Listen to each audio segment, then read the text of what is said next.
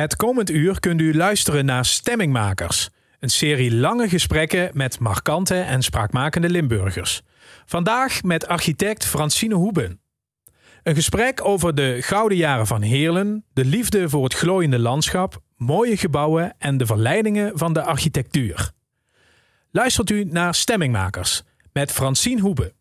Een programma van Frank Ruber.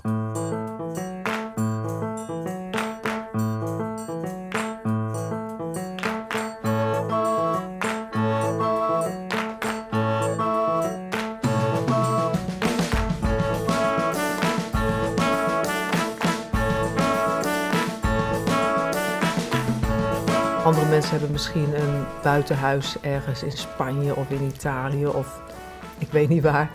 Maar ik dacht, nou, ik wil gewoon iets binnen een uur van Rotterdam. En, ehm, en ik hou heel erg. eh, we hadden al een keer met vrienden een huisje in, in de, bij Nunspeet in de bossen. Maar ik denk, ja, in die bossen eh, ervaar ik niet het seizoen en dan kan ik niet ver kijken. Dus ik wilde heel graag naar het rivierenlandschap. En de bijkomstigheid is ook nog dat mijn man ooit in Rosmalen heeft gewoond. En dit gebied wel kende. En nou, dit stond een keer eh, te koop. En uh, eigenlijk een boerderij die behoorlijk op invallen stond met, met, met uh, een, uh, een, varkensstal en een bakhuisje en een oude schuur. En ik vond eigenlijk het leukste om een stuk grond te kopen. Ehm, en dat is hier in Herpt. Het is hier binnen een uur. Hè. Ik kan, kan in 50, 55 minuten naar Rotterdam rijden. Uh, ik vind dat je hier fantastisch uitzicht hebt. Je hebt hier het oude Maasje wat langs ons uh, terrein loopt. En we zitten hier nu 15 jaar. En uh, nou, het is een permanente project, zeggen ja. mijn kinderen dan. Maar we, ja, het vinden hier fantastisch. Nederland ja, is heel, ongelooflijk heel anders mooi. natuurlijk dan Rotterdam, hè? De, de, de, de plek waar u al eigenlijk heel lang woont. Ja. En daar heeft u ook een, een, een woning. Um, Rotterdam, dat is wel iets wat u niet kan loslaten, heb ik de indruk. Dat is wel uw stad. Ja, dus ik zeg altijd, het is ook de stad die ik zelf gekozen heb. Want als kind ben je altijd met je ouders mee verhuisd. Hè, van, van Limburg naar uh, Den Haag, naar Groningen. Delft ben ik gaan studeren. Uh, en van daaruit uh, hebben we ooit een ook een stuk grond in Rotterdam gekocht. En hebben daar een eigen huis gebouwd. Wat, wat trekt zo aan Rotterdam? Wat is daar ja, zo dit is bijzonder een stad die nou, permanent in ontwikkeling is, die nooit af is, die problemen heeft, uh, maar die ook enorme opportunities heeft, hè, de kansen heeft. Dus ik vind het heel leuk om daar nou ja, aan, de, aan mee te werken. Uh, misschien is dat ook, ik zeg wel eens, ik ben een wederopbouwkind. Hè, ja, het is een stad die nooit af is en dat, is, dat vindt u aantrekkelijk? Ja, en het is nou ja, toch ook de, de spirit. Uh, het is ja. een, ja, ik ben er, ik, ja, ik ben er graag. En, en, je ziet ook dat de stad verandert en verbetert. En, uh, en ook de hele transitie die de havengebieden uh, hebben ondergaan en nog steeds moeten ondergaan. Uh, nou, de stad groener maken, inclusiever. Ehm, ik heb ook hele idee over Rotterdam-Zuid uh, recentelijk neergelegd. Maar eigenlijk werk ik ook al, ook al in mijn studententijd ook al aan Rotterdam. Ja, dus ja. het is echt iets ja, wat, en, wat, bij mij hoort. Ja, en u woont daar in een huis die u ook zelf ontworpen heeft. Um, is dat het, uh, ja, het ultieme huis van Francine Hoebe wat daar tot stand gekomen is? Want ik denk, ja, na zoveel jaren bouwen, uh, tekenen, dan komt er op een gegeven moment dat je dus voor jezelf iets neerzet. Dan moet het wel de perfectie bijna nou, zijn. Nou, de perfectie is niet. Ik bedoel, we, dit huis is nu, dat, dat hebben we nu al 30 jaar. Uh, het is op een ja, unieke plek. Um, met uitzicht over de Kralingse Plas. En uh, tegelijkertijd heel erg verbonden met, een, met, met uh, Kralingen-Krooswijk, de wijk waar we in zitten. Het is gewoon een hele mooie plek. En ja, zoals je toen in de tijd hebt ontworpen, ja, daar is alweer 30 jaar overheen gegaan. Maar ik, ik, ik ben heel erg aan. Nou, ook daar gaat het over het uitzicht. Eigenlijk wat je hier ook hebt, het, landschappelijke. En daar heb ik natuurlijk het unieke dat we midden in Rotterdam wonen. Maar toch met het uitzicht over, over het water en over het uh, Kralingse bos.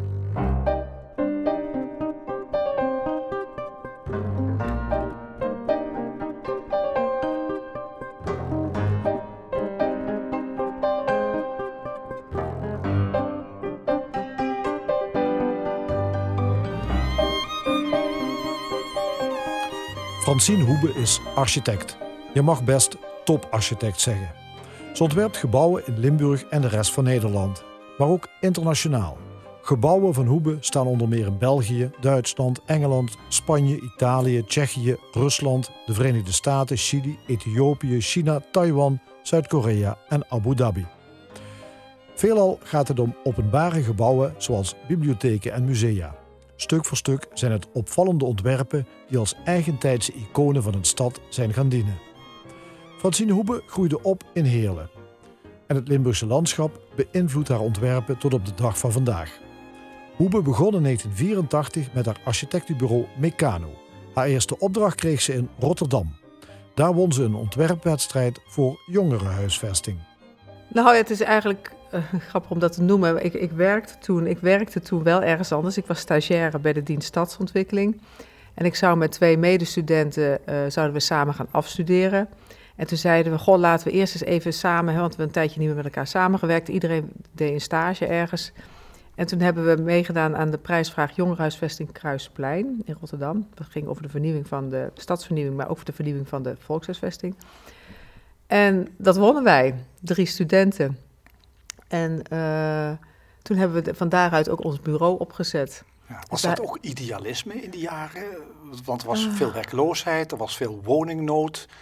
Ja, het was de tijd van de de kruisraketten, koude oorlogssfeer. Zat er iets van idealisme in om zoiets te... Nou ja, ik, ik zeg altijd, ik ben natuurlijk wel een kind van de zeventiger jaren, in ieder geval mijn studententijd. Dus wij waren heel erg bezig met, uh, nou ja, toch een politieke, maatschappelijke agenda zou ik eerder willen zeggen. Dus inderdaad de stadsvernieuwing, de vernieuwing van de volkshuisvesting, betaalbare woningbouw. Um, dus dat idealisme hadden we zeker. Was, dat zat ook heel erg op de afdeling bouwkunde van de TU Delft. Maar ik wilde wel ontwerpen. Dus ik wilde ontwerpen voor die maatschappelijke opgave. En, maar ik denk dat dat idealisme of dat meedenken in de maatschappelijke opgave, dat heb ik mijn leven lang gehouden. Dat heb ik nog steeds. Um, ja, nu is de naam van Francine Hoebe verbonden aan um, heel grote bouwprojecten over de hele wereld. Ja. Hè? De Public Library in New York. En even kijken, National Center for the Arts in Taiwan. Een enorm gebouw natuurlijk. Uh, de Nederlandse Bank, hè, de, de nieuwbouw. Um, knijpt u wel eens in uw arm om te voelen van, beleef ik dit nou echt? Of? Nou, dat, dat denk ik wel eens. Van, god, had ik ooit kunnen bedenken dat ik dit soort dingen mag doen?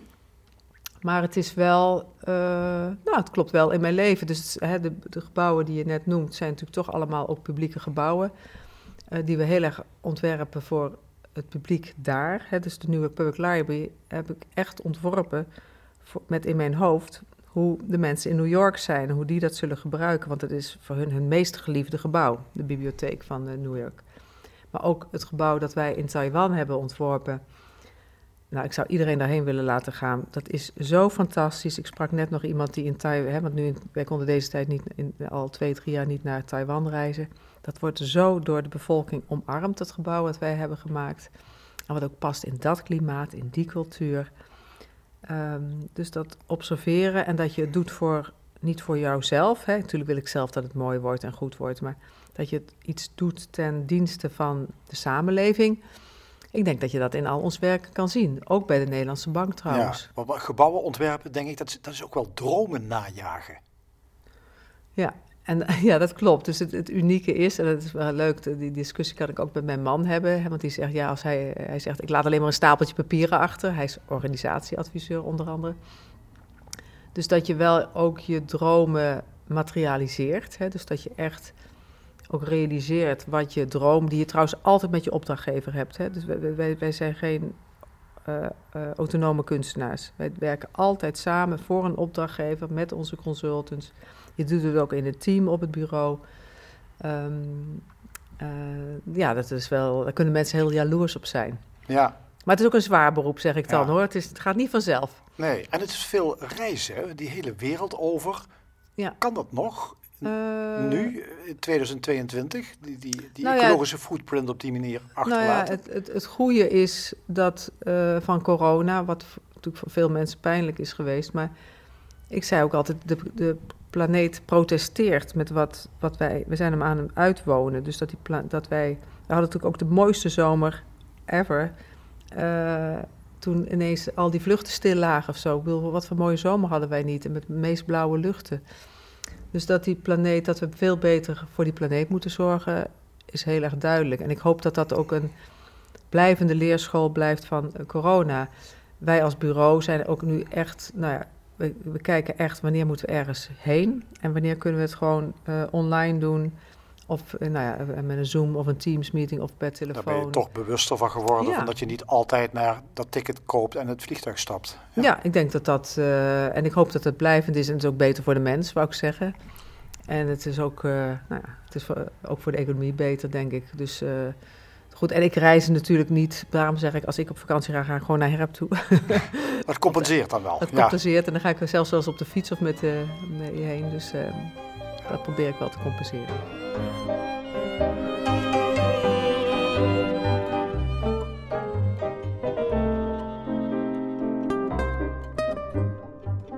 Ik wil eigenlijk wel eens even terug naar uw jeugd. Um, wat, wat, denkt u eigenlijk zelf aan als u aan uw kinderjaren denkt? Wat, wat, is, dat, wat is het eerste wat bij u opkomt? Um, wat komt dit eerst bij op? Nou ja, dit is ook een beetje waar ik ben. Dus ik heb van, ben 1955 geboren en ik heb tot 1963 in Heerlen gewoond. Aan de Parmetierstraat en aan de Zandstraat. En mijn ouders ook hun Zandweg heet het. Um, Zandweg 8 en Parmetierstraat 8. Uh, en mijn ouders hebben daar zelf hun huis gebouwd. Dat kan ik me echt nog herinneren.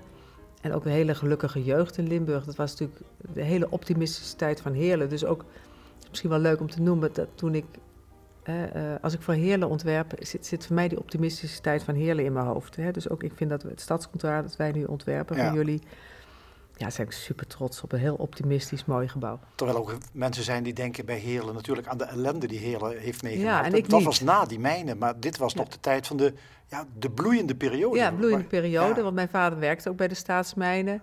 En toen het gas werd gevonden in Groningen, uh, werd hij, uh, is vanuit de staatsmijnen, zijn de mensen, hebben de gasunie opgericht. Daar zat mijn vader bij. Dus ik ben als kind met de energiestroom meegegaan. Ben vervolgens naar Den Haag verhuisd. Um, daar zat eerst het uh, hoofdkantoor van de gasunie. En toen naar Groningen. Er, uh, dus ik zeg altijd, ik ben met de energiestroom meegegaan. Dus, en dat is, dus mijn jeugd speelt zich de ene kant in Limburg af, de andere kant in Den Haag. Heb ik vier jaar gewoond, de lagere school en de middelbare school in Groningen. Maar eigenlijk zijn dat allemaal hele gelukkige periodes geweest. Uw vader reisde de energie achterna. Wat, wat was uw moeder? Wat was, wat was hij voor vrouw? Mijn moeder, uh, mijn moeder runde het gezin. Uh, ik, ik, ben nummer vier van vijf kinderen. En uh, mijn moeder deed gewoon alles, zeg ik dan. Hè. Dus die was gewoon wat je noemt huisvrouw. Ehm, had, heeft misschien één jaar gestudeerd en toen ze ging trouwen, ehm, nou, moest dat meteen stoppen. Maar die kreeg van mijn vader ook alle vrijheid. Dus mijn moeder, als je nu zegt van hè, het huis bouwen in Heerlen, dat deed mijn moeder. Die praatte met de aannemers. Zij was, was de beta. Ja, was meer de, mijn moeder was meer de doener. Uh, de, ik denk ook nou, een beta. Hè. Je zou kunnen zeggen, mijn vader was meer een alfa. Die was meer een, uh, een uh, van het woord. Hij was ook jurist. maar ook een hele, nou, in die zin echte Limburger. Echt een hele gezellige, die ook met iedereen gaat praten. Um, ja, hij was burgemeesterszoon, hè, meen ik. Ja, hij heeft, maar dat is wel grappig dat je het noemt. Dus mijn opa, Petrus Hoebe, was de burgemeester van Sint-Odiliënberg, maar ook de geschiedenisleraar in Roermond. En Sint-Odiliënberg is een heel historisch stadje, dus we hebben altijd de link gemaakt dat hij, omdat hij geschiedenisleraar was en zoveel van de geschiedenis wist, ook de burgemeester van Sint-Odiliënberg kon zijn. Uw moeder uh, was dus degene die, uh, ja, die thuis um, ja, die rol speelde om de zaak bij elkaar te houden, hè, om ja. te organiseren thuis. Maar ook te ondernemen. Ook te ondernemen, ja. Ja, ik, ik begrijp, ze, ze, heeft ook wel wat dat betreft, uh, ze had ook een, een, een oorlogsverleden. Hè? En, ja, mijn moeder had zes broers, dus als enigst meisje. Ze is de dochter van uh, de dorpsarts uh, van Ulft, dus fabrieksdorp in de Achterhoek. Achterhoek. Ja. Gingen wij trouwens altijd, als je zegt, vroeger ging je op vakantie gewoon bij je familie. Dus ik heb heel, ben heel veel in de Achterhoek, hebben, zijn we altijd op vakantie geweest. bij, gewoon logeren bij oma. En, en dat, dat kwam uit die dorpsarts, dat was ook de familie Capetti, uh, was ook de kern van het verzet van de Achterhoek. En dat werd allemaal georganiseerd, grotendeels vanuit de familie van mijn opa, of het gezin van mijn, van mijn moeder. En, en die, zij was de middelste, ze had drie broers boven haar en drie broers onder haar. En die drie broers boven haar, die werden natuurlijk op een gegeven moment allemaal opgepakt en ook haar vader. En die zaten dan in, de, in gevangenissen. En zij kon dan uh, koerierster zijn en die jongetjes die waren nog thuis. Ja. ja, enorm gevaarlijk werk. Ja. ja, ze werd ook wel de Hannie Schaft van de Achterhoek genoemd. Ja. Maar ze heeft het overleefd, anders dan ja. Hannie Schaft. Ja, en, en tegelijkertijd werd er niet over gepraat. Hè. Het is natuurlijk die generatie zij uh, doorgaan. Uh, terwijl ze natuurlijk toch heel veel leed hebben meegemaakt. Niet alleen als dochter van de huisarts en wat je natuurlijk allemaal als dochter van de huisarts moest doen en meemaakt. En ook van alle gewonden en, en doden. Maar ook, ze verloor ook een van haar broers in de oorlog. En vervolgens, haar grootste verdriet is dat ze vervolgens nog haar andere broer verloor um, in Indonesië bij de politionele actie. En dat, dat is een heel groot trauma in dat gezin, als ik dat zo kan zeggen. Dat na die oorlog, dat je dan nog ook nog verplicht gestuurd wordt naar een politionele actie en daar ook nog bij omkomt. Ja. Dat, kan mijn moeder, daar kon ze, uh, ook toen ze ouder werd en meer dementerend, daar kon ze elke dag over huilen. Ja. En, maar tegelijkertijd werd daar niet veel over gesproken. Het was wel die generatie die, hè, die natuurlijk wel verzweeg ook. Hè? Ja. ja. ja. Ehm, maar goed, u zegt al met al toch een hele mooie jeugd gehad. Hè? Op, op, heel veel plekken gewoond in Nederland. Uh, heel veel verhuisd. Is dat, dat verhuizen, is dat, ik denk, dat tekent een kind ook wel. Hè? Er zullen misschien kinderen zijn die dat helemaal niet leuk vinden. Die ervan balen. Weer weg bij vriendjes en vriendinnetjes. Wat, wat heeft het met u gedaan? Nou, dat is ook leuk als je dat vraagt. Want ik, voor mij is het een enorme inspiratiebron gewe uh, geweest. Hè. Ik was ook altijd nieuwsgierig. Ik denk, oh, gaan we naar Den Haag toe? En, uh, of we gaan naar Groningen toe. En ook hoe mijn moeder dat aanpakte. Hè, want die ging dan een huis kopen en een ander huis verkopen. En dan gingen, we, gingen ze met aannemertjes dat huis verbouwen. We kon natuurlijk niet op vakantie, want we verhuisden natuurlijk altijd in de, in de, in de zomervakantie. En dan gingen ze, als die aannemertjes om vier uur klaar waren, dan gingen we van vier tot s'avonds negen uur gingen we de buurt verkennen. En dat heeft ze altijd zo ontzettend leuk gedaan. Dus dat, die nieuwsgierigheid. En ik denk dat ik dat heel erg heb overgenomen.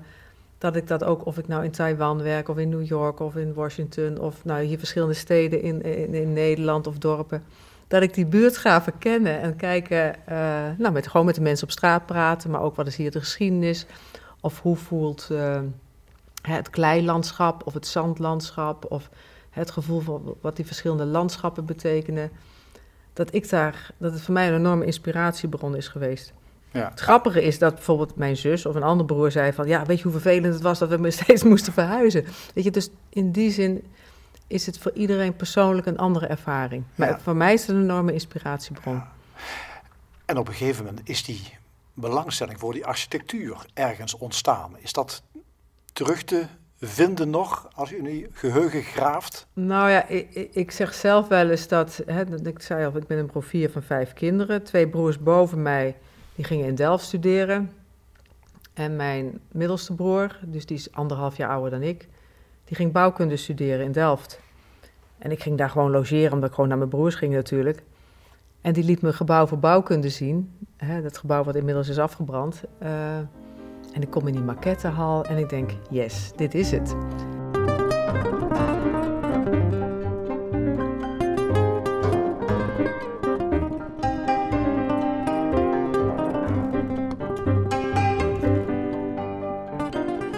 Jonge Francine Hoebe, die in de jaren 80 van de vorige eeuw begon met Bureau Meccano, is inmiddels een wereldspeler.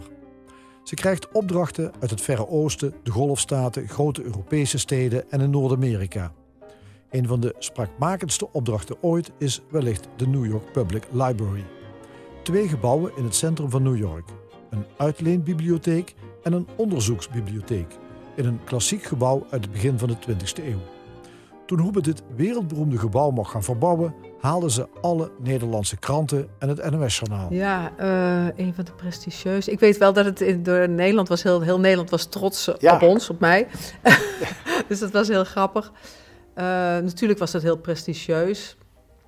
New York, uh, dat is echt een langlopend project. Hè? Ik geloof door tien jaar of zoiets voordat het uh, helemaal af is daar, die bibliotheek. ik denk dat we nu zeven jaar bezig zijn. Het, het, is eigenlijk een complex van twee gebouwen. Het, ja, het ene er is een uitleenbibliotheek en er is een, de, de, de, de onderzoeksbibliotheek. Ja, hè, die, zo kan je het kunnen verdelen. Dus voor de, voor, voor de toeristen het gebouw met de twee leeuwen ja. hè, aan Fifth Avenue bij, 40, bij 40th Street, bij de 40ste straat. En daar schuin tegenover staat de, dat heette toen de Mid-Manhattan Library. Uh, dat heet nu de Stavros Niagara Foundation Library. Die hebben we ook gedaan. En die is nu helemaal klaar. Dat is een die hebben we zeg maar, dat heet een gut renovation. Dat, dat dan heb je het hele gebouw leeggestroopt en hebben we eigenlijk een helemaal nieuw gebouw van gemaakt. Maar het spannendste is natuurlijk dat klassieke gebouw aan de overkant, hè, wat inderdaad waar de toeristen ook komen. Een gebouw wat, waar eerder trouwens al een architect op sneuvelde, hè, een uh, Engelse architect, Norman Foster. Die wilde het, um, nou ja, die had allerlei wilde ideeën, die wilde eigenlijk heel veel historische elementen eruit halen.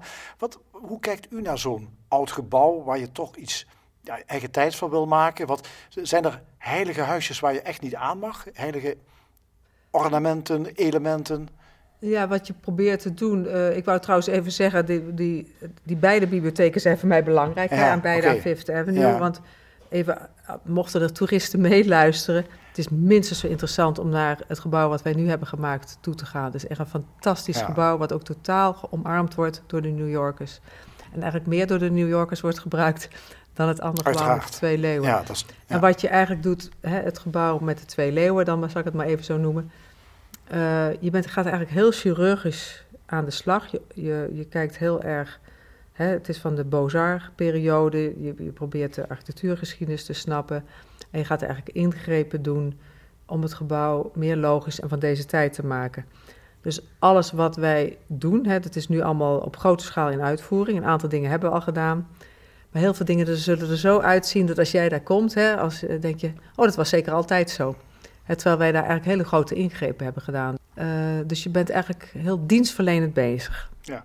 Is dat moeilijker dan een gebouw helemaal nieuw ontwerpen in the middle of nowhere? Uh, als je dus, ik zal maar zeggen, een gebouw moet renoveren, opknappen.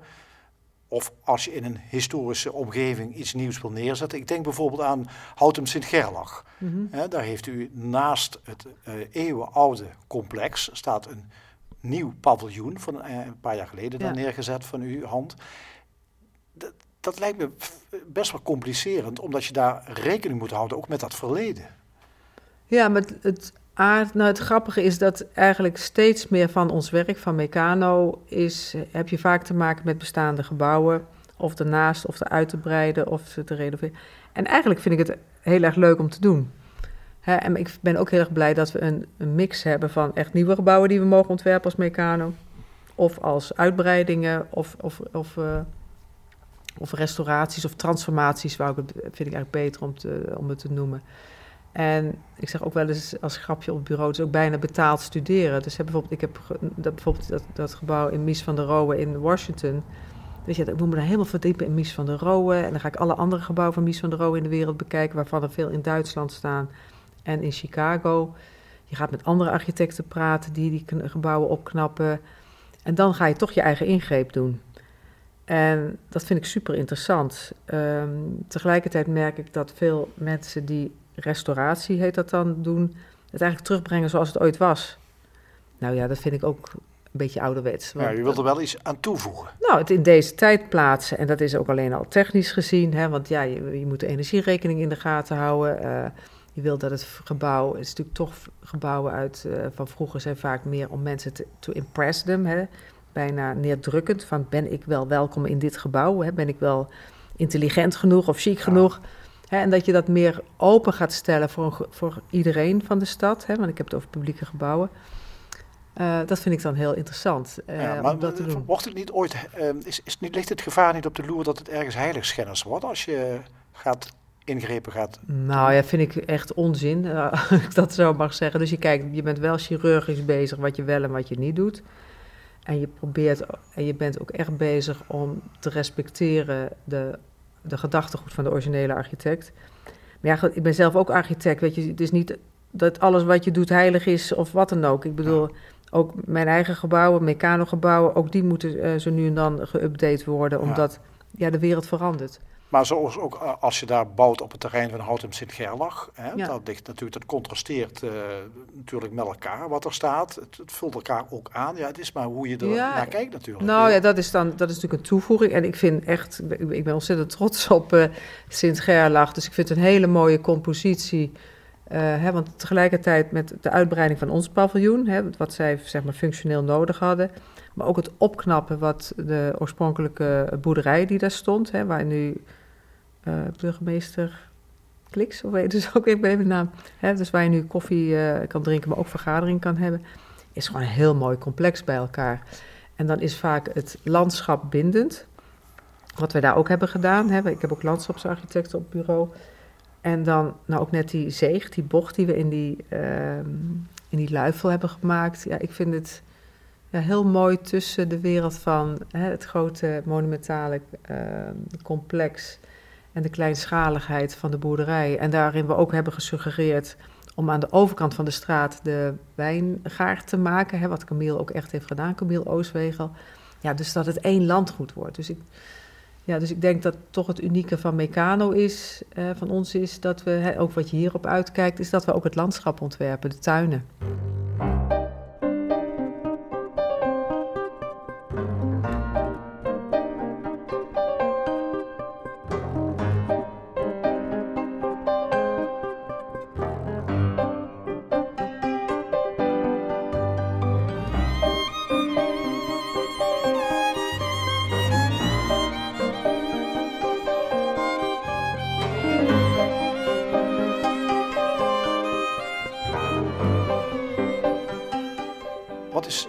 Mooiste gebouw op deze wereld?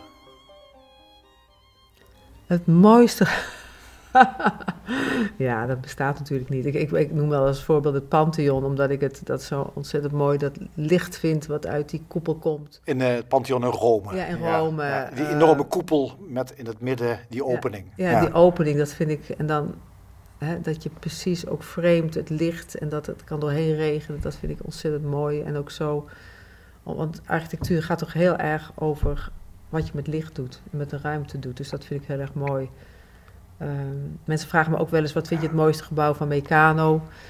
Um, dat noemen mensen ook wel vaak. Het is ook een hele kleine ruimte. Is, de, is de kapel in, uh, in Rotterdam die wij hebben ontworpen op de begrafenis, begraafplaats. Maar ja, weet je, het, complex wat we in Taiwan hebben ontworpen, of hoe we nu met de Nederlandse bank bezig zijn, of wat we voor Sint-Gerlach hebben gedaan. Ik ben trouwens ontzettend, we zitten hier voor Limburg te praten, wij zijn ontzettend trots op wat we voor uh, uh, Heerlen hebben gedaan, op het stadskantoor. Uh, het stadskantoor dat nu dat naast het, het bekende gemeentehuis, hè, ja, het stadhuis van Peuts staat. Ja, maar ook, vergis je niet, wij doen ook de restauratie van Peuts. Hè? Dus ja, we brengen die... maar er staat een gloednieuw pand nu naast. Ja, hè? yin en yang, hè, horen ze bij elkaar. Zijn ook op elkaar geïnspireerd. Of wij hebben, zijn geïnspireerd ook op Peuts.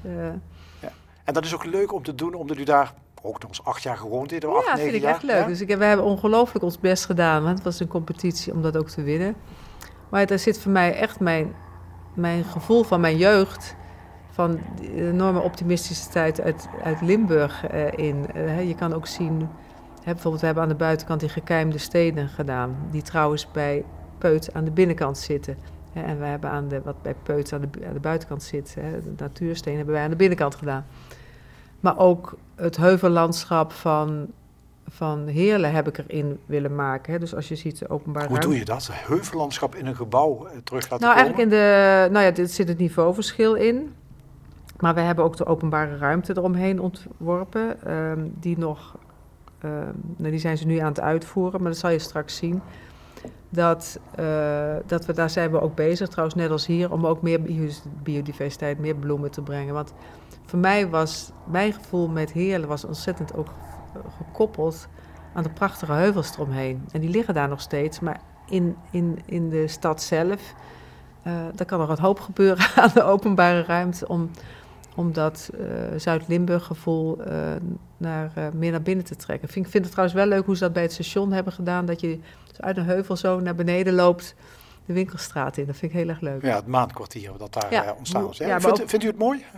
Ik weet dat er veel discussie is. Ik vind het leuk. Ik vind, ben, ben in ieder geval heel erg enthousiast over de, die, die route. zeg maar, die je zo naar beneden loopt naar de winkelstraat toe. Ik vind het busstation trouwens ook heel erg leuk, wat zo helemaal begroeid is.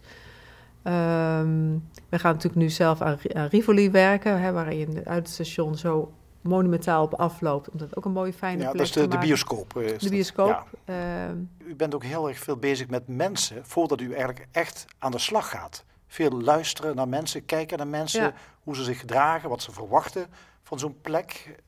observeren, dat is, daar begint het allemaal als architect? Ja, dat probeer ik echt. En, uh, dus het gaat over het observeren van de mensen of hun cultuur. Hè. Dus het leuke is, hè, of het nou Limburg is of, of, of nou wat ik zei, New York. Of de, vaak ben ik ergens ook gewoon langer. Hè. Dan, dan, dan, dan blijf ik daar ook een paar nachten slapen. Uh, ik kijk ook heel erg toch naar het landschap. En misschien waarom ik dat doe, is om, je hebt het begrip dat mensen moeten aarden. Dus en mensen aarden en die, die worden toch gevormd op de grond waar ze, zijn, waar ze zijn gaan wonen. En zo vind ik ook dat mijn gebouwen moeten aarden. Dus ik moet snappen, bijvoorbeeld hier sta ik in het rivierenlandschap in het gebouw waar we nu zitten. En in Heerlen is dat een heuvellandschap voor mij. En, en dat aarden maakt ook de mensen anders. Het is, je bent een ander mens als je in de woestijn woont. Of, uh, nou, dus, nou, dat, ik, ik kan het niet goed uitleggen, denk ik, maar dat het snappen van de mensen en het landschap en de aarde en de cultuur die daarbij hoort, is voor mij heel erg belangrijk om een gebouw te maken wat ook daar aardt. Ja, het is een gebouw uh, in dienst eigenlijk van de mens die het gebruikt. Ja. Architectuur is dus geen kunst voor de kunst. Nee, dat, daarom zeg ik, het voor mij is geen autonome kunst. Het is ook niet, ik wil er natuurlijk zelf wel trots op zijn, maar het is niet een gebouw wat ik voor mezelf ontwerp. Er zijn veel architecten die dat natuurlijk wel ja, graag dat, doen. Ja, die willen toch een monument voor zichzelf neerzetten. Ja, nou ja, dat, dat, zo ben ik nooit geweest en uh, dat hoef ik ook niet. en, uh, dus nee, ik, en zeker hè, omdat wij ook veel publieke gebouwen mogen ontwerpen. Uh, ja, het, het, is voor het publiek. En vaak is het ook nog door publiek geld betaald. Dus het is heel leuk dat het wel door onze hersenen en door onze handen gaat. en iedereen die erbij betrokken is, maar je geeft het terug aan het publiek. En daarom kan ik, eh, dat eh, ontroert mij ook. Hè. Ik heb eens verteld dat ik dan, hè, we hebben ook de grootste bibliotheek van Europa gemaakt in Birmingham. En als ik daar kwam, ontroerde mij gewoon hoe het werd gebruikt. Dat ontroert mij ook nu in New York, hè, na corona. En dat, je wil die weten, iedereen zit in dat gebouw. En die zitten daar gewoon nou, zo relaxed hun werk te doen, dat het klopt, het gebouw, dat het fijn voelt. Uh... En dan loopt u daar doorheen en denkt u, ik heb het toch maar mooi geschaft. Nou, het is goed, het is fijn. Weet je, dat, daar geniet ik van. En, uh, en ook, je moet je ook voorstellen, wij hebben daar natuurlijk jaren aan gewerkt. Uh, en dan is het af, dan is het ook niet meer van jou. Maar geef je het terug? Dan geef je het terug. Dus Ben zegt ook in New York, je hebt een fantastisch cadeau aan de stad gegeven. En dan denk ik, uh, ja, dat is fijn.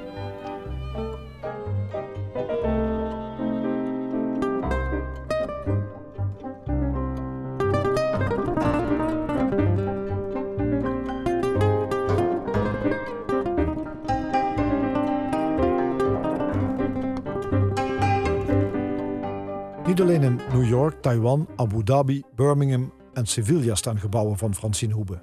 Ook in Limburg is een en ander van haar te zien. Het nieuwe stadskantoor in Heerlen, de Rabobank in Sittard en appartementen in Maastricht. Horeca-ondernemer Camille Oostwegel heeft Francine Hoebe benaderd voor de transformatie van het Steursgebouw in Maastricht. En eerder bouwden ze voor hem een paviljoen op zijn landgoed Sint-Gerlach.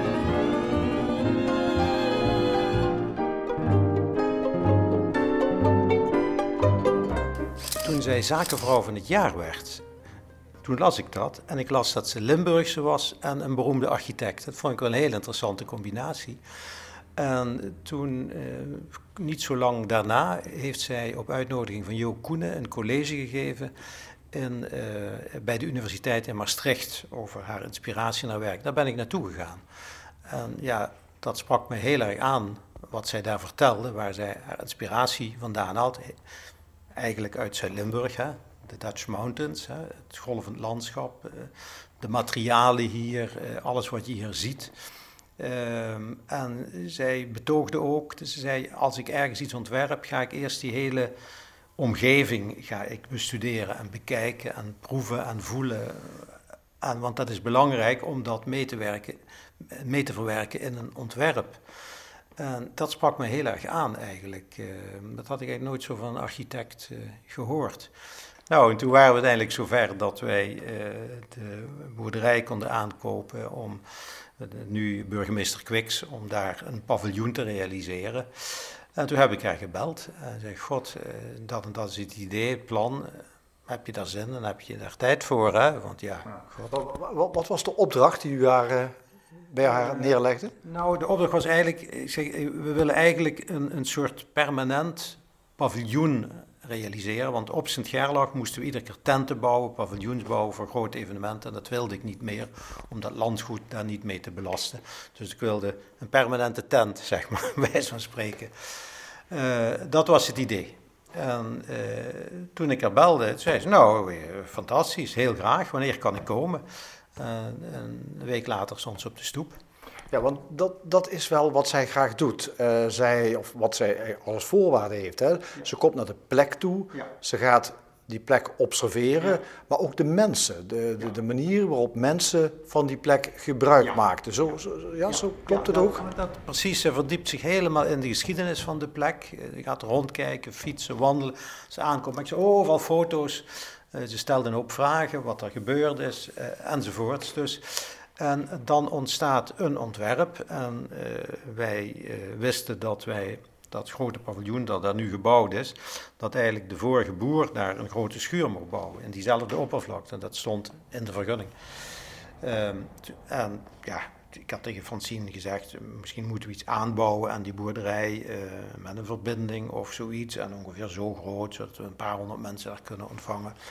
Nou, drie weken later kwam ze met het ontwerp en ik schrok daarvan, want het was heel erg groot. Ze had de totale ruimte benut. Ik zeg, zo groot? Ja, ze zei, het kun je maar één keer doen. Je mag dit en uh, je kunt maar één keer voor de toekomst bouwen. Dus dat zou ik zeker doen, want uh, nou, en eigenlijk is aan dat eerste schetsontwerp nauwelijks iets veranderd. Is, is zij iemand die ook ideeën van anderen overneemt? Want zij is natuurlijk de grote architect. Oh, zeker. Nee, zeker. Ze vraagt, wat denken jullie daarvan? Wat vinden jullie? Ze had bijvoorbeeld uh, in het paviljoen ook een wenteltrap gemaakt, zodat je boven op het dak kon. Dat je daar nog een dakterras kon maken. En uh, uiteindelijk zeg je, ja, als ze het dak opgaan, uh, dan staan ze tussen de bomen, dus je ziet toch niks. dus dat hebben we heel snel weggelaten. Dat was ook niet nodig. Uh, en kijk met name in het programma van uh, het back-office, de keuken, de magazijnen, de techniek, waar moet die komen en zo. Daar denkt ze heel erg in mee. En ook in de indeling van de ruimtes. Maar ze wil eigenlijk overal wel de hand in hebben, zelfs in de keuze van de gordijnen. Uh, dus we zijn ook een dag bij haar geweest, ook met onze dochter Françoise, die designer is zijn we een dag bij haar in Delft geweest om te kijken wat, wat voor gordijn, wat kleurt dit, hoe moet die wand, welke lampen, welke verlichting. Ze, ze, dus ze houdt zich daar allemaal, omdat ze het leuk vindt ook. Hè. Ze, ja, ze, ze, bemoeit zich, ze bemoeit zich eigenlijk dus met, met alle details. Ja, wil ze allemaal weten. Ja. ja. En uh, daar maakt ze ook tijd voor. Dus we zijn een, uh, bijna een hele dag bij haar in Delft geweest om het hele interieur te bepalen. Is ook een soort visionair, want u zegt al, ja, ze kijkt dus echt vooruit. Ze ziet dingen die een ander misschien niet ziet. Ja. Heeft ze dat op meer terreinen? Ja, dat, dat, dat vind ik zeker. Uh, wat ik bijzonder vond toen, uh, toen we voor het eerst dus daar op de plek rondliepen en keken. En toen ging ze ook fietsen daarna voor. Toen zei ze, luister eens, over tien jaar zit iedereen op de fiets. Uh, dat gaat allemaal komen. Dus het zou leuk zijn als je hier op die plek een voorziening maakt uh, waar de fietsers ook kunnen een, een fiets opladen, een batterij, accu opladen, ze iets kunnen eten of drinken uh, en dan weer verder kunnen fietsen, een soort pleisterplaats. En um, nou, we zijn, het is nu acht jaar geleden dat we het daarover gehad hebben. Je ziet bijna iedereen zijn op de fietsen.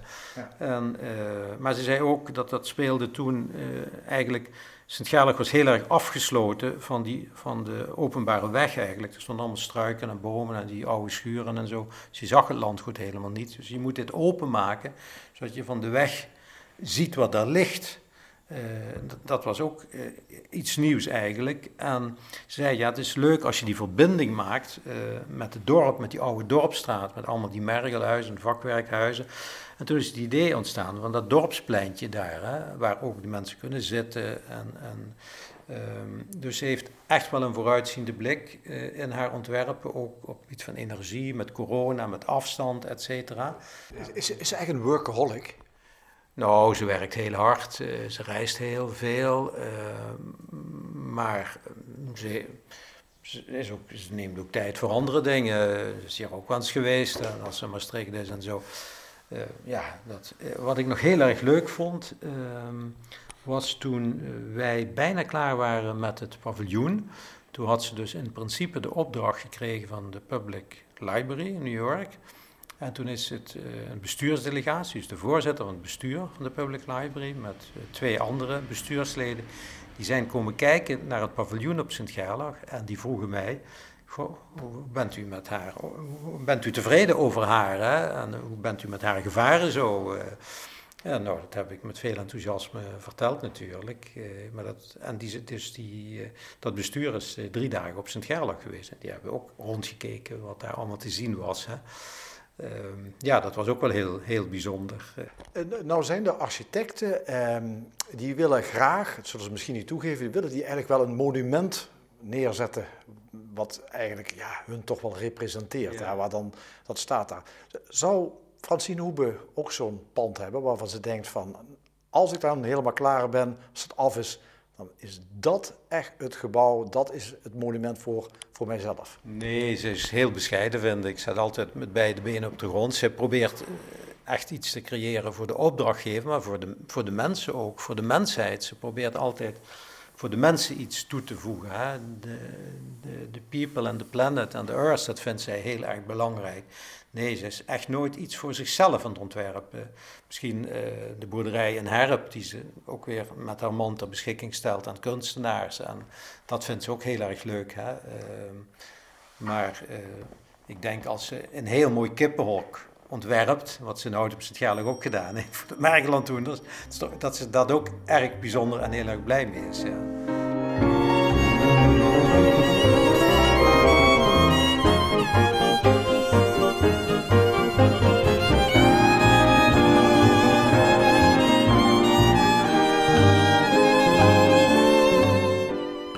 Camille Oostwegel over architecte Francine Hoebe, die voor hem een paviljoen ontwierp. Hoebe heeft een architectenbureau waar inmiddels 130 mensen werken. In meerdere teams worden vanuit haar bureau in Delft opdrachten uitgewerkt voor gebouwen in de hele wereld. In Limburg werkt ze nu aan de ontwikkeling van het NC-terrein in Maastricht. Het gaat Francine Hoebe voor de wind. Is ze ook nog ergens bang voor? Waar ben ik bang voor?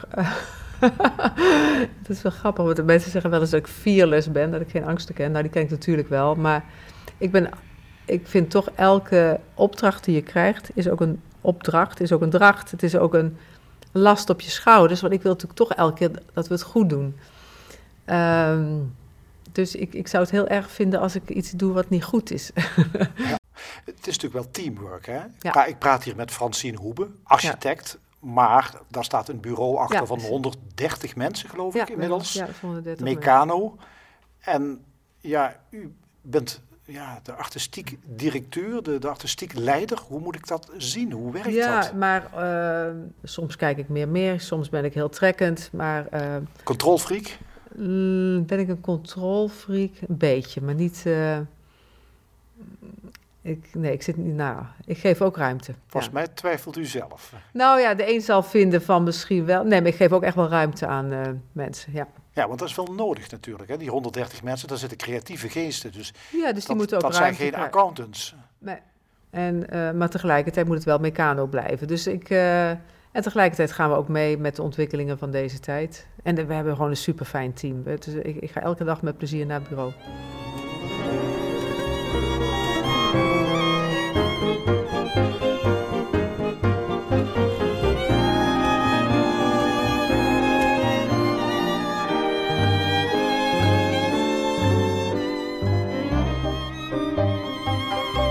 Duurzaamheid. Hè? Ja. We streven natuurlijk toch naar een ander soort woningbouw dan we jaren geleden. Ja. Dat we misschien klakkeloos iets neerzetten zonder na te denken over de impact op natuur, op de planeet.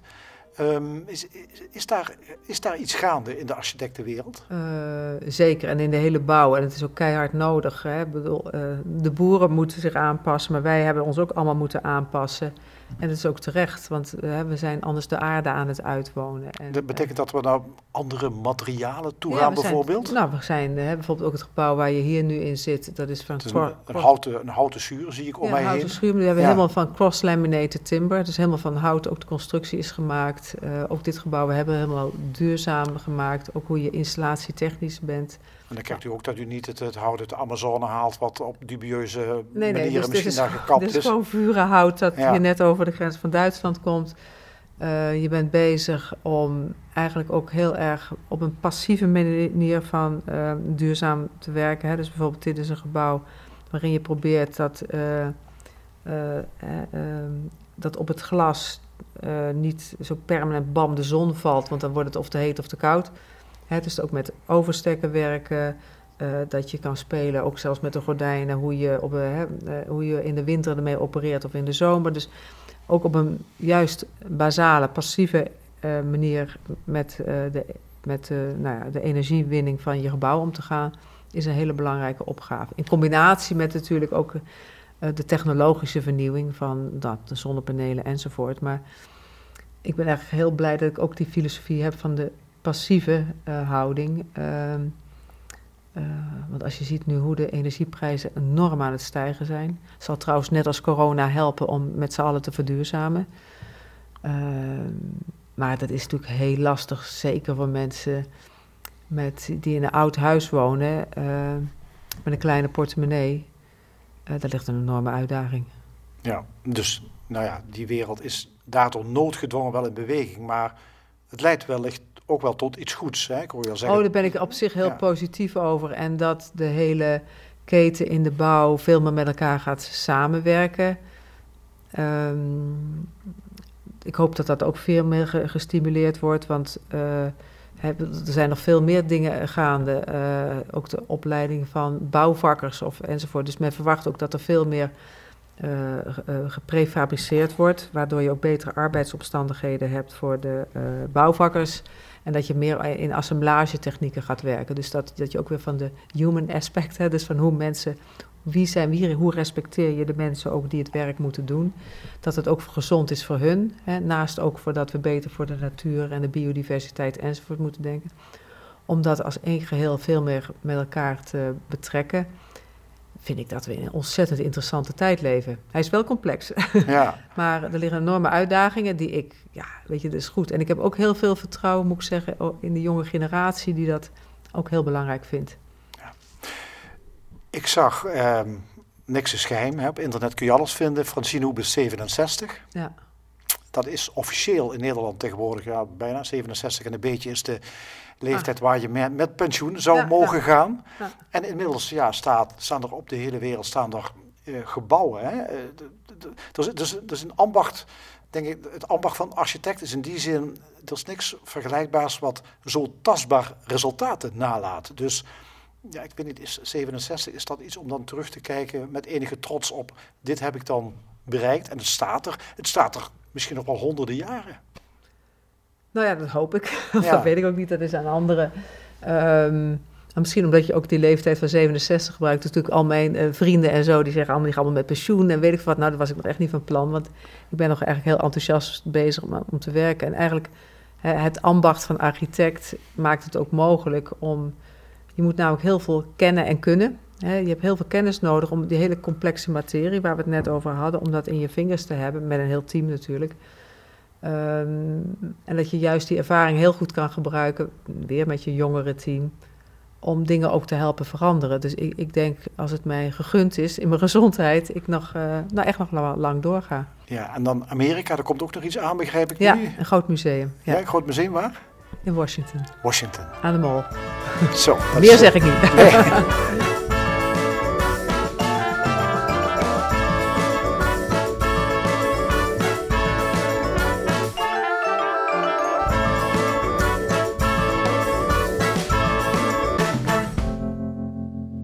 U heeft geluisterd naar Stemmingmakers. Deze keer met toparchitecte Francine Hoeben. Samenstelling Frank Ruber.